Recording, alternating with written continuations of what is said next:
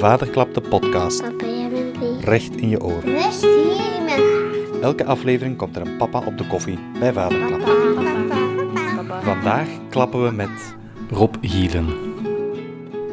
Welkom Rob. We zitten hier eh, gezellig in het kader van de Vaderklap podcast. We zitten in uw living en Flor de hond is er ook bij, dus die gaat af en toe wat spelen. En eh, ik heb juist eh, mogen genieten van een glaasje Dom Benedictin. Benedictine. Be- Dom Benedictine, kijk. eh. en het is zondagnamiddag. Voilà. Het is uw, uw heilige tijd, uw stille tijd. Uw tijd voor uzelf, zonder alle kinderen. Eh, en daar mogen wij twee uur eh, van gebruik maken. Welkom. Merci. Rob, even voor de luisteraars. Vandaag ben ik de interview van dienst. Mijn naam is Hans Hoed. Ik, eh, ik ben zelf ook een vader van twee kinderen, een partner, een vriend, een eh, buiten de box denker, een creatieveling. Ehm, ik kan heel veel dingen en heel veel dingen niet. Ehm, en ik vind het vooral heel fijn om over vaderschap te praten en na te denken. En ook om de gesprekken met vaders eh, openbaar te maken voor een groter publiek. Want ik heb begrepen, Rob, dat jij op café niet snel met een vreemde aan de klap zult geraken.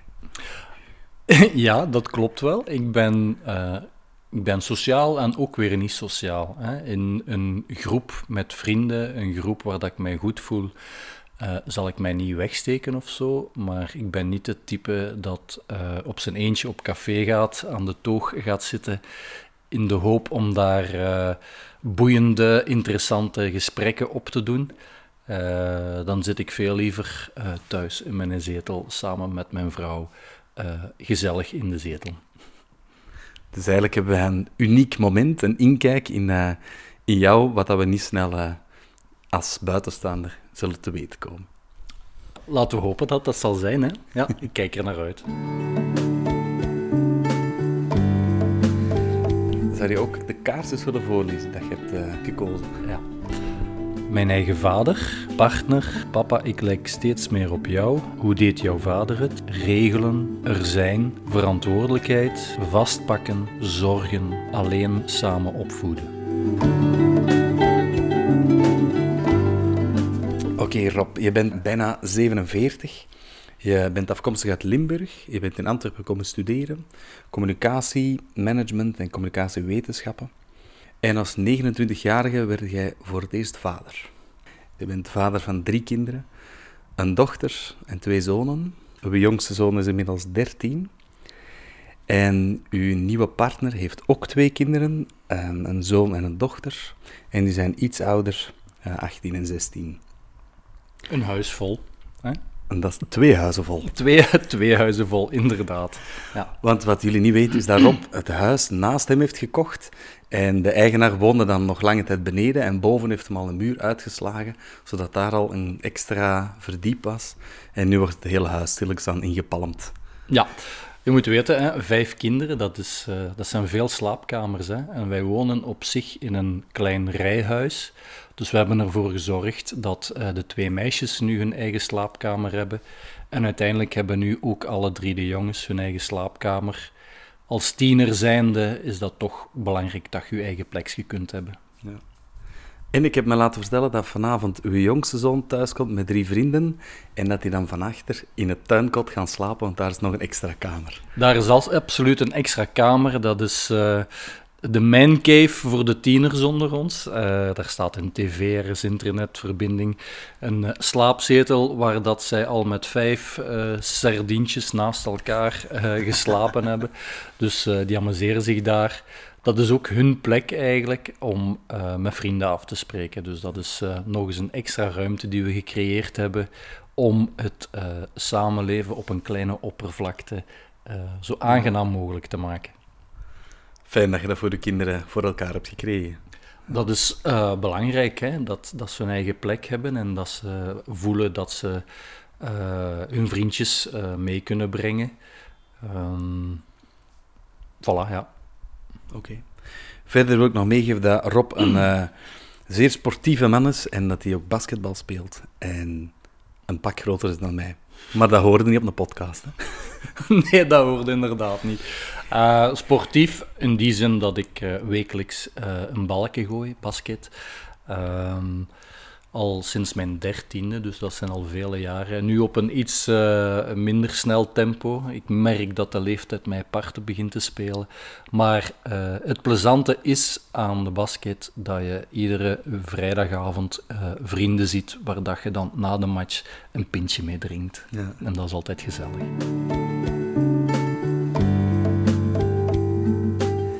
Oké, Rob, we gaan in uw vaderverhaal duiken.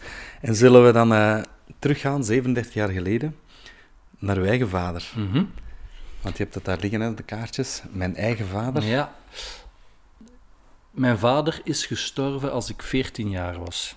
Hij zelf was toen nog maar 56, dus dat is op zeer jonge leeftijd is hij gestorven aan een hartfalen. Uh, we weten nog altijd niet goed wat dat er juist gebeurd is, maar dat is eigenlijk plotsklaps gebeurd. Ehm, de context is zelfs een beetje uh, macaber in die zin dat hij uh, onwel geworden is op een begrafenis. Hij is op die, in de kerk onwel geworden. Ze hebben hem dan naar huis gebracht. En um, daar merkten ze al heel snel dat er echt wel iets mis was. En uiteindelijk is hij daar diezelfde dag, na een paar uur, in elkaar gestuikt en is ter plaatse doodgevallen. Ik zelf was daar niet bij. Ik was op dat moment aan het babysitten op de kinderen van mijn broer, mijn oudere broer. Dus ik heb gelukkig het hele gebeuren op zich niet meegemaakt. Um, maar dat uh, is dus wel een situatie dat mijn vader al zeer vroeg in mijn eigen leven uh, van mij ontnomen is. Wat maakt dat je eigenlijk een stuk mist van wat een vader voor u kan betekenen. Zeker op die leeftijd, ik was toen 14 jaar, heeft dat gemaakt dat uh, op dat moment zit je in een fase, hè, je, bent, je bent geen kind meer, maar je bent ook nog geen jong volwassene. Um, op dat moment weet je niet goed wat dat je aan je ouders hebt. Dus dat is eigenlijk een spijtige zaak. Um, dat, dat op dat moment mijn vader uh, uh, niet meer in mijn leven was. Uh, en dat heeft ook gemaakt dat ik een aantal eigenschappen van het vader zijn niet aan den lijve heb kunnen ondervinden. Ik ga er nog een beetje meer bij vertellen. Ik ben vader van drie kinderen. ik woon niet meer samen met de moeder van mijn kinderen. Wij zijn uit elkaar gegaan. Uh, in de context van die scheiding um, heb ik een aantal gesprekken gehad met een uh, therapeute. Om te kijken, uh, is er iets bij mij dat maakt dat de relatie misgelopen is? En dan ben ik eigenlijk tot de ontdekking gekomen, en ik vond dat een verbijsterende vaststelling eigenlijk, dat uh, het feit dat mijn vader gestorven is als ik 14 jaar was, dat dat gemaakt heeft dat ik een aantal eigenschappen van het man zijn, een andere podcast, maar we hebben het er even over, uh, dat, dat ik een aantal in die fase van mijn leven meegekregen heb, zal ik ja, zeggen. Ja. Um, en dat vond ik wel een, een, uh, een maffe vaststelling, om te zien hoe dat een, zo'n bepalend iets in je jeugd toch je verdere leven mee bepaald heeft. Ja. Ze zeggen altijd bij hè, psychoanalyse van ah, ze gaan altijd terug naar de jeugd en zo. Bij mij was dat dus heel duidelijk het geval dat ik een, uh, dat die, die gebeurtenis in mijn leven toch heel bepalend is geweest in hoe dat ik ben als man. Hè? Ja. En hoe dat ik uh, in een relatie sta en hoe dat ik als vader ben. En hoe was je vader in de eerste 13 jaar van uw leven? Dat was eigenlijk een hele stille man. Um, een beetje een binnenfretter. Iemand die ook nooit ruzie had met mensen. Iemand die een beetje meer op de achtergrond stond. Mijn moeder was thuis. Dus ja, mijn moeder stond eh, in voor de opvoeding. Mijn vader eh, werkte. En daarnaast was dat vooral onder de vakanties dat hij er wel heel aanwezig was. Maar, maar ik heb niet, niet heel veel eh, herinneringen aan mijn vader, moet ik zeggen.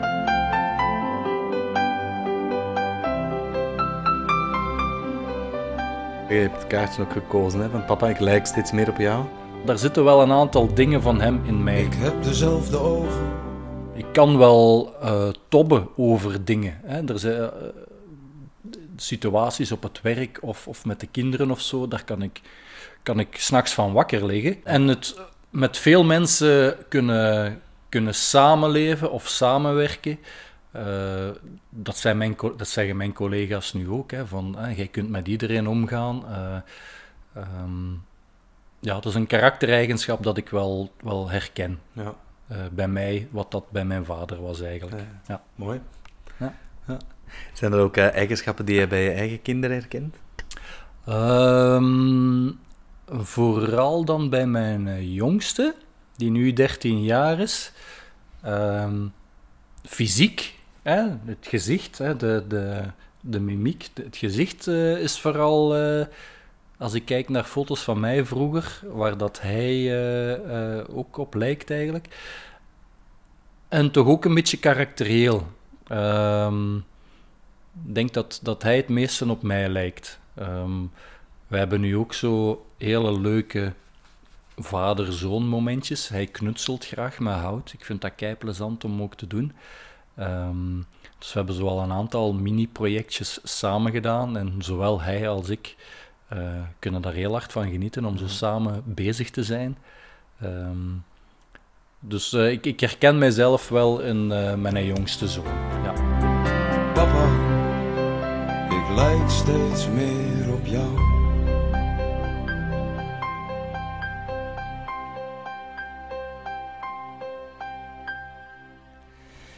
Zullen we eens teruggaan naar het moment dat jij voor het eerst vader werd?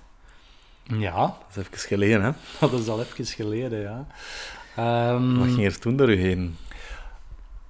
Uh, uh, zowel mijn, uh, mijn partner van toen, de moeder van mijn drie kinderen, als ik, hebben eigenlijk heel organisch toegeleefd naar het moment om ouder te worden als we twintiger waren, hadden wij allebei zoiets van, ah, dat, dat zal er wel ooit komen, maar we zijn er nog niet klaar voor. We zien wel. En als zij 30 was en ik 29, um, waren we er gewoon klaar voor. Hadden we allebei zoiets van, oké, dat mag komen.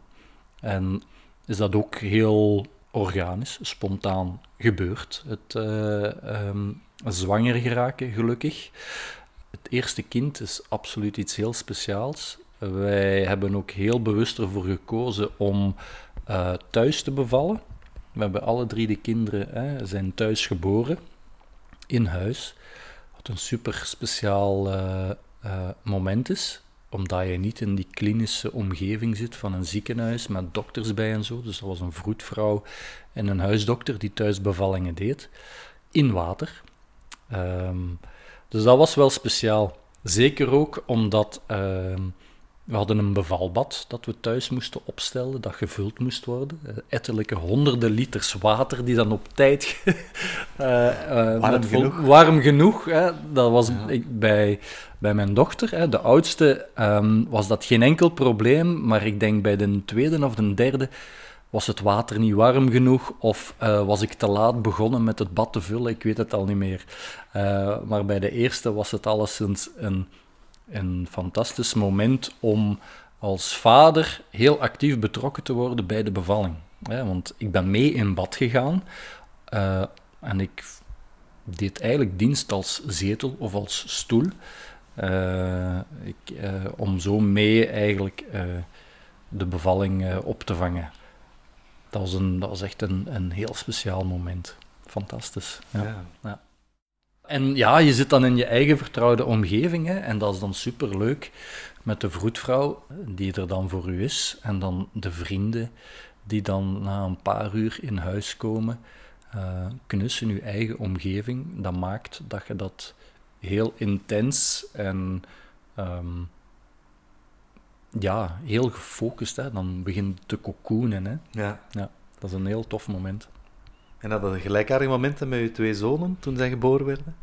Ja, dat was eigenlijk ook eigenlijk net hetzelfde. Hè. In huis, hè, in een bevalbad. Um, misschien niet zo, niet zo goed voorbereid als de eerste, maar uh, uiteindelijk is alles heel vlot, uh, heel vlot gegaan. Ehm, dus dat waren, dat waren heel, eh, heel mooie momenten, absoluut.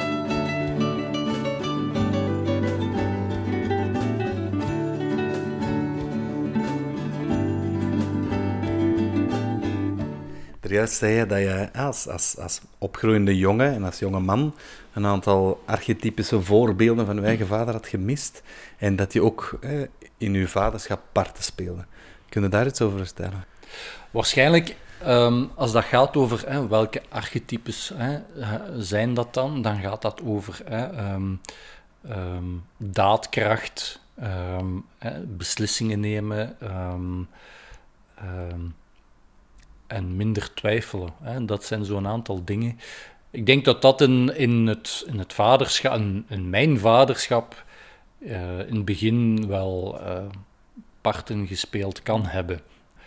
Voor iets gaan, iets beslissen en dat uitvoeren en niet te lang meer twijfelen.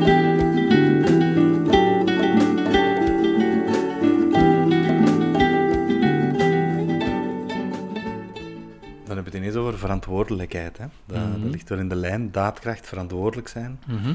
Waarom heb je dat kaartje gekozen? Ehm, verantwoordelijkheid. Ik voel mij heel erg verantwoordelijk voor eh, mijn kinderen. Hè? Ehm, en zal ehm, echt er ook alles aan doen om ervoor te zorgen dat als er problemen zijn met mijn kinderen, hè, dat, dat, dat die problemen opgelost geraken. Ehm, ik kan dat niet alleen. Daar heb ik, heb ik hulp bij nodig. Ehm, maar ehm, ik lig wel wakker van hè, hoe, het, hoe gaat het goed met mijn kinderen. Mijn middelste, eh, mijn tweede zoon, hè, heeft wel wat eh, problemen. En ja, je wilt, je wilt dat je kinderen het goed hebben. Eh, en dat, dat ze het later ook goed gaan hebben. En ehm, ik vind dat een, ik vind dat moeilijk dat je daar als ouder ehm, maar voor een deel vat op hebt. Hè, je kunt wel hè, zo goed mogelijk hè, je kinderen opvoeden en ervoor zorgen hè, dat ze in een warm nest opgroeien eh, en een aantal eh, waarden en normen meekrijgen. Eh, maar uiteindelijk zijn er nog zoveel andere externe factoren die u als persoon mee vormen. Ehm, en je hebt daar als vader weinig, con- allee, of, of op die externe factoren heb je weinig controle. Ehm, maar ja, toch dat gevoel van ja, je moet er zijn als vader. ehm, en je moet proberen er alles aan te doen om, om, het, om je kinderen een zo fijn en zo goed mogelijk leven eh, te bieden. Dus dat is een verantwoordelijkheidsgevoel, zal ik zeggen, Ja. dat er wel, Ja. wel heel fel is. Ik heb ondertussen de kaartjes, hè, verantwoordelijkheid, zorgen, regelen en alleen of samen opvoeden Mhm. naast elkaar gelegd. Omdat dat eigenlijk in, in, in jouw verhaal ineens allemaal op een rijtje kwam. Zo. Ja, ja, verantwoordelijkheid om ervoor te zorgen dat Ja. ze het goed hebben, dingen regelen, dingen aanpakken, niet uitstellen. ja. En alleen en samen opvoeden. Mhm. Daar heb je ook ervaring mee, hè? Want eh, Ja, dus ehm, ik zit in een nieuw samengesteld gezin. Ehm, dat is een complexe situatie. eh, en eh, voor de kinderen ook niet altijd evident. Ehm, dus dat is, dat is echt door, door te ervaren en door de jaren heen dat je daar moet aftasten. Hoe ga ik daarmee om? Eh, hè, hoe gaan de kinderen daarmee om? Ehm, maar van in het begin is het een hele bewuste keuze geweest van ehm, mij en de moeder van hè, mijn drie kinderen om die opvoeding echt ook wel, eh, ook al zijn we niet meer samen, om die wel eh, zoveel mogelijk samen op te nemen. En ehm, dat betekent dat als er eh, bepaalde dingen, opvoedingsissues zijn of, of vraagstukken, dat ik daar ook met haar heel nauw overleg heb. Dus we hebben ook veel contact nog met elkaar. We wonen gelukkig ook dicht bij elkaar, een paar straten verder. Dat maakt het voor de kinderen ook eh, een stuk gemakkelijker natuurlijk. Maar dat maakt het voor ons als ouder, die allebei apart voor de opvoeding staan, instaan, eh, maakt het ons ook wel gemakkelijker om dat toch nog voor een stuk samen te doen. Ehm, Komen jullie bij elkaar over- over de vloer? eh, ja, ja. Niet om per se te socializen of zo, Nee. eh, maar wel om ehm, eh, het over de kinderen te hebben. En eh, als de kinderen jarig zijn, ehm, dat is een traditie die eigenlijk al die jaren stand gehouden heeft. Als een van onze drie kinderen jarig is, ehm, dan brengen wij samen de dag door. Dan gaan we samen, dat is ook al een traditie, dan gaan we samen brunchen in de Pijn Quotidien. De kind, dan vragen we, we vragen ieder jaar opnieuw, wat wil je doen voor uw verjaardag? En de kinderen zeggen allemaal, ah ja, we gaan eerst samen brunchen in de Pijn Quotidien en dan gaan we de stad nog in of gaan we nog iets doen. Ehm, En is dat dan ook met, met uw nieuwe partner en haar kinderen erbij? nee, dus dat is echt hè, het, de, de moeder, ik en onze drie kinderen. Ja. Eh, en dan in de loop van de dag, nadat we gebruncht hebben, komen we wel terug hier bijvoorbeeld, in ons huis, eh, allemaal samen. En dan is mijn nieuwe partner en haar kinderen er ook bij. Ja, ja. Eh, maar het echt zo, het brunchen en dan nog een activiteit doen, is eigenlijk eh, met het gezin van toen, zal ik zeggen. En de kinderen hechten daar heel veel belang aan. Als dat makkelijker is voor u, dan blijf ik wel thuis. Hè? Ik weet ook, Dan ben je maandag een uur later school, dinsdag of twee uur later school. ik weet ook niet hoe lang dat ik zin heb om te hoe ver is dat hè, met de Waarom dat? Eh, ik weet dat niet, maar weet je Hoe wel, ver het is de dat eerste keer dat wij vrije dagen hebben. Dat is zoals maand. Chantal woont. Nou wel, vorige maandag toch wel? Ja, maar andere scholen dat. Ja, want ik weet ook niet hoe lang dat ik ga willen blijven. En waarom heb je maandag en Eh, dinsdag later? misschien omdat je leert over het samen, het samen opvoeden van de kinderen.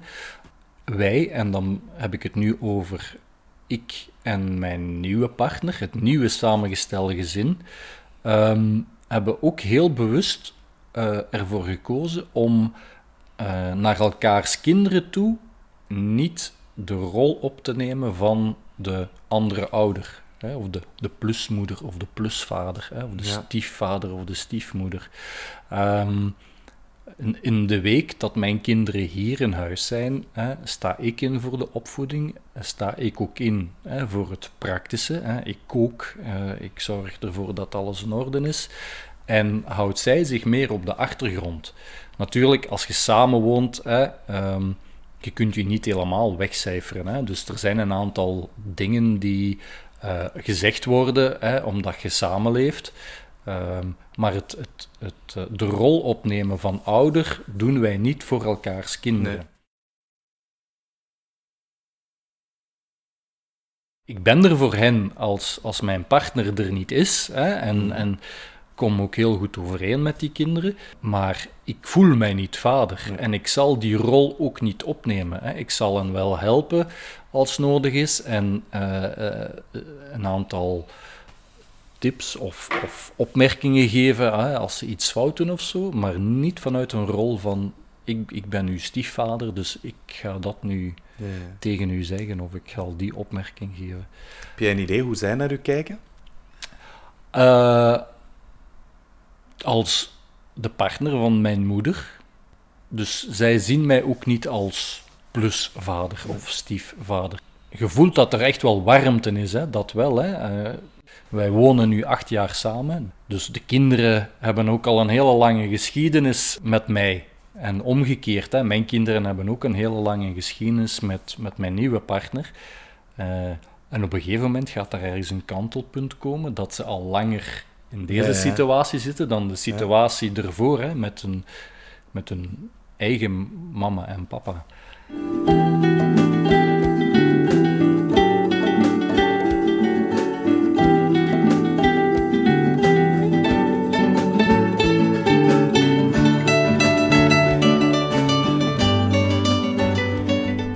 Eh, er zijn. Heb je ook al vaak in de mond gehad, hè? Mm. het woord er zijn. Je bent er ook voor je, hè, voor je eigen kinderen. Je bent er ook voor je nieuwe partner, wat Mhm. wel heel belangrijk is, ook voor haar kinderen, denk ik. Ja. Dat jij de man in haar leven bent op dit moment. Mhm. Eh, waarom heb je dat kaartje gekozen? Omdat ehm, ik echt eh, dat is iets waar dat ik wel heel bewust mee bezig ben. Als mijn kinderen er zijn, hè, dus we hebben een co-ouderschap, dus hè, één week heb ik mijn kinderen en de andere week zijn ze bij hun moeder. Maar in de week dat ik mijn kinderen heb, zal ik mij heel weinig engageren voor andere dingen, omdat ik er voor mijn kinderen wil zijn. Uh, ik werk uh, ook s'avonds en in het weekend. Um, ik probeer dat allemaal te doen in de week dat mijn kinderen er niet zijn. Ook het, het, het zorgen voor het eten. Dus echt de praktische zorgen vind ik heel belangrijk. Dat, dat zij weten dat ze daarvoor bij mij terecht kunnen. Ik heb heel lang mijn kinderen nog in bed gestoken. En ik denk dat het nog maar sinds dit jaar is dat, um, dat ik gezegd heb tegen mijn zonen, hè, die nu 13 en 14 jaar zijn, van uh, gaat maar alleen naar boven. Hè, trekt, hè, je kunt uw plan wel trekken. En in het begin hè, was dat echt voor hen van, oeh, je, je stopt mij niet meer in bed. Hè, hè, je komt niet meer een liedje zingen. Ik heb altijd, s'avonds voor het slapen gaan, uh, voor mijn kinderen, als, ik, als ze kleiner waren, een liedje gezongen. Maar dat is, ja, dat is zo ingebakken in die hun genen, zal ik zeggen, dat die dat, die dat echt vonden van, oeh, je gaat dat nu niet meer doen. Ook al ben ik al 14 jaar, je gaat nu niet meer voor mij een liedje komen zingen. Zo, ja, dat, dat warm, warm gevoel, zo van, voordat je in slaap valt, zo, uh, moet daar een, een, een, een warm moment zijn. Wat ook maakt bijvoorbeeld dat ik het niet over mijn hart kon krijgen. Hè. Als er eens ruzie was, dan die ruzie dan moest bijgelegd zijn voordat die kinderen gingen slapen. Ik, ik, ik, ik, zou, ik zou niet uh, het, het, niet over mijn hart krijgen dat, dat ik mijn kinderen naar bed stuur als er nog iets in de lucht hangt dat uitgeklaard moet worden. Ja. En ik merk nog altijd dat, zeker bij mijn jongste, als het moment is van, oké, bedtijd, dat hij zo even kijkt van, ah ja, nee, nee, dat is juist, dat doet hem niet meer. ja. ja. Jou kan je misschien nog even aan tafel, iedereen zit nog aan tafel. Dat gaat ook echt goed mee. Echt? Even met opgezet. Echt? Oei.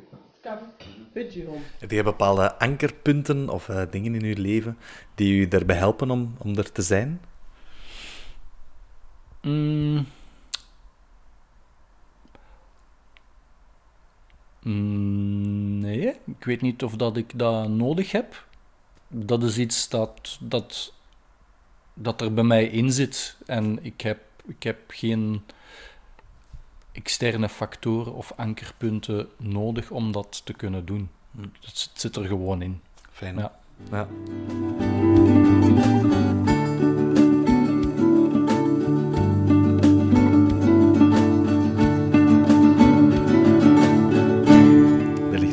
Vast, pak erop.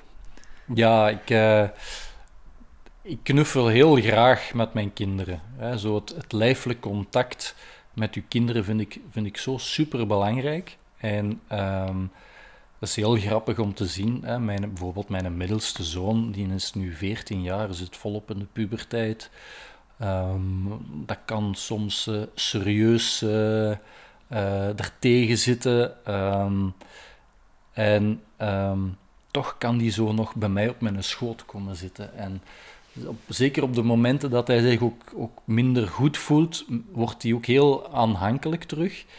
En um, als je op een feest bent, heb ik soms daar genoeg van dat hem dan bij mij komt hangen of zo. Maar op andere momenten in huis en zo vind ik dat super tof. Of, of dan geniet ik er zelf ook van dat die kinderen zich zo komen nestelen tegen mij. En dat we, dat we lijfelijk contact hebben, hè, dat we kunnen knuffelen en zo. Ik merk bij mijn dochter, die nu 17 jaar is, dat dat aan het veranderen is natuurlijk. Hè. Uh, je hebt je persoonlijke ruimte, hè, waar dat je respect voor moet hebben. Ik kan wel met mijn dochter knuffelen, maar je merkt dat je daar toch wat meer afstand moet beginnen creëren. Als ik voel dat ze dat niet leuk vinden, zal ik dat ook zeker niet forceren. Dat moet iets spontaan zijn. Um, en zeker bij een dochter, ja, een dochter die een jonge vrouw wordt, um, moet je de persoonlijke grenzen respecteren natuurlijk. Hè. Mm. Ze heeft ondertussen ook al een eerste lief gehad. En um, ik vroeg me altijd af van hoe zou dat als vader zijn? Hè? Zo, wonderbaarlijk vond ik dat eigenlijk heel fijn. Een grappige situatie, laten we zeggen een, jaar geleden of een half jaar geleden, had ik echt zoiets van: mijn dochter is 16 jaar, ze mag haar eerste lief wel hebben. dus je hebt, je hebt vaders die zo misschien een, een, een meer beschermende uh, houding aannemen en, en dat kan ook een bepaalde pose zijn, dat je zegt van, uh, ja, als er hier een, een gast binnenkomt, amai, die gaat het wel geweten hebben of zo. Dat gevoel had ik absoluut niet. Ik had echt zoiets van, ah, ik hoop voor haar dat ze, dat haar eerste lief, dat dat een fijne, lieve gast is en zo. En dat was ook zo. Dus dat, ik ben heel blij dat dat, dat, dat uiteindelijk uh, uh, zo gelukt is. En... Um, ik, uh, ik stond daar helemaal voor open. Ik had zeker niet het gevoel van shit, ik ben niet meer de eerste man in het leven van mijn dochter. Absoluut niet. Ik kan denk ik wel loslaten.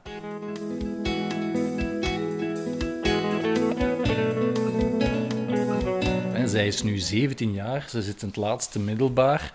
Um, wat na het zesde jaar, hè, de eerste vraag die u stelt ah, wat gaat je volgend jaar studeren? Nee, nee, maar ik wil volgend jaar niet gaan verder studeren. Ik wil, ik wil de wereld verkennen. Hè? Ik wil uh, ergens vrijwilligerswerk gaan doen in Azië of in Afrika. Of, of... Ik voel wel, oké, dit is echt het moment dat je je, je oudste kind hè, langzaam maar zeker aan het loslaten bent. En ik voel ook wel dat ik dat kan dat ik daar geen problemen mee heb. Natuurlijk zijt je bezorgd. Hè? Oeh, die gaat naar het buitenland. Dus de omkadering waarin dat, dat uh, zal gebeuren, zul, zal ik wel voor waken hè, dat dat een, iets is waar dat ik mij wel goed bij voel, of waar dat ik mij veilig bij voel. Maar ik wil haar wel haar vleugels laten uitspreiden. Ja. Heeft dat te maken dat je haar voldoende vast hebt gepakt als kind? Ongetwijfeld, ja je hebt zoiets van, oké, dit, is, een mooi mens. Hè, die heeft... Die, die, ik, vind, ik vind mijn dochter echt wel iemand met een, een, een mooi karakter. Ehm, met het hart op de juiste plek. En um, die uh, geen misbruik maakt van, van dingen. Um, en een groot verantwoordelijkheidsgevoel heeft. Dus dan heb ik ook zoiets van, ja, oké, dit is het moment om je eigen leven vorm te geven en te ontdekken. En wie ben ik als vader om uh, daar in de weg te gaan staan? Ja.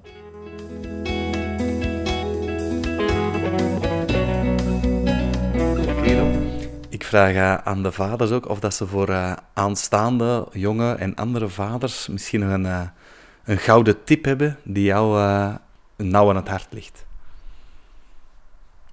ik vind het heel belangrijk. Hè, het woord is al dikwijls gevallen, er zijn. Hè, je moet er staan voor je kinderen. En deel uitmaken van, hè, van de opvoeding van je kinderen en het groot worden van je kinderen. Dat ze later niet zeggen van, ja, maar mijn vader was er bijna nooit. Of wie, wie was mijn vader? En het, het samen uh, groot worden. Hè, want als vader word je ook groot. Je bent wel volwassene, maar je groeit ook in het vader zijn. Dat is iets wonderbaarlijks om dat samen met je kinderen mee te maken. Maar ik, vind, ik, vind, ik heb dat ook nooit als een opoffering beschouwd. Hè, er zijn voor je kinderen. Ik vond het gewoon heel belangrijk dat als zij uh, er zijn, dat, dat, je, dat, je er, dat je er zijt voor hen ook. Dat je klaar staat. Um, en ik probeerde mijn, of ik probeer mijn leven daarnaar te regelen. Er gaan terug momenten komen. Hè. Ze zijn ouder aan het worden, dat je terug meer tussen aanhalingstekens vrije tijd krijgt als man dan. Ehm, maar ik heb echt niet het gevoel dat ik iets heb moeten laten voor uh, mijn kinderen. Hm. En daar ben ik heel blij voor natuurlijk.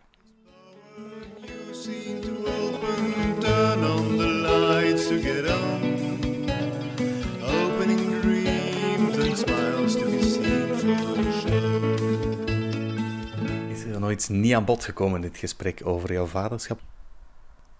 Ik heb wel het gevoel dat ik een inkijk heb kunnen geven in hoe dat ik het vader zijn ervaar. Er zijn moeilijke momenten ook natuurlijk, hè? daar hebben we het dan misschien niet zo over gehad. op dat moment ben ik heel blij dat ik er niet alleen voor sta. Hè, dat, ik, hè, dat ik mijn bezorgdheden ook kan delen met, eh, met de moeder van mijn kinderen en mijn nieuwe partner. Want ook al zijt je 17 jaar vader, soms weet het nog niet natuurlijk. Hè.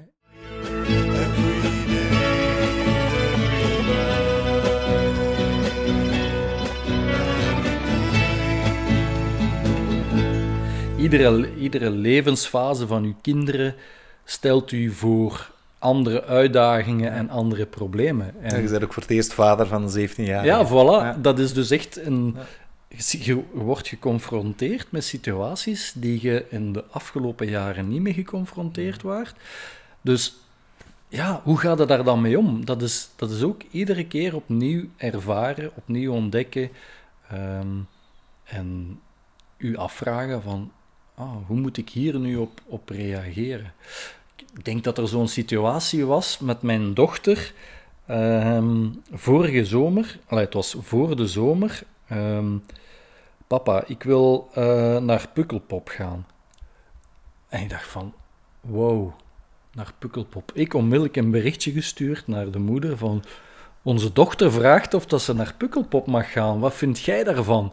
En ik kreeg de reactie terug... ehm, Rob, ze is wel al 17 jaar, hè? dat is vrij normaal dat zij nu... En ik dacht van, godverdomme, ja. dat is echt zo van, ja, ze worden groot, hè. En Ja. zo de reflex van, oei, wat, een, wat voor een vraag krijg ik nu? En dan zo van, oh, maar ja, dat is een zeer logische vraag. Ja, tuurlijk mocht jij naar Pukkelpop gaan. Ja. Maar toch zo, de eerste reactie was van, shit, wat moet ik hier nu mee? Ehm, en zo zijn er regelmatig eh, vragen waar dat je je echt echt bij moet, moet, waarbij dat je moet stilstaan en ehm, de context van de leeftijd en zo eh, erbij moet nemen om, eh, om het juiste antwoord te geven naar uw, uw kind toe. Ehm, dus, Fijn, fijn dat je aan de mama dan ook een klankbord hebt. ja, dat hebben we allebei. Hè, en ehm, dat, is, dat is gewoon superbelangrijk. Gewoon. Heb je andere vaders waar je een klankbord bij hebt?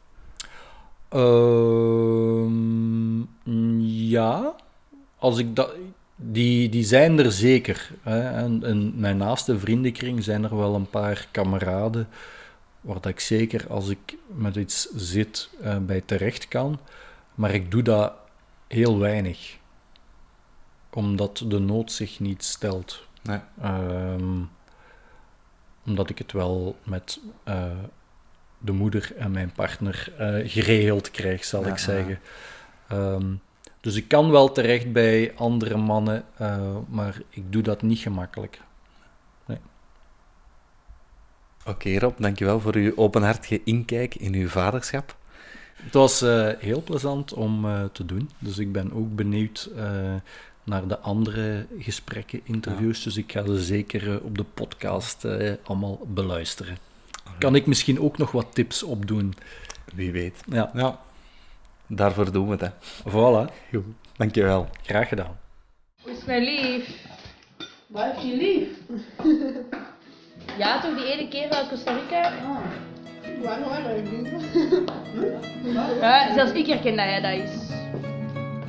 U luisterde naar een aflevering van Vaderklap, de podcast. Papa. Wil je meer van dit soort verhalen horen? Abonneer je dan gratis op de podcast via een podcast-app. Papa.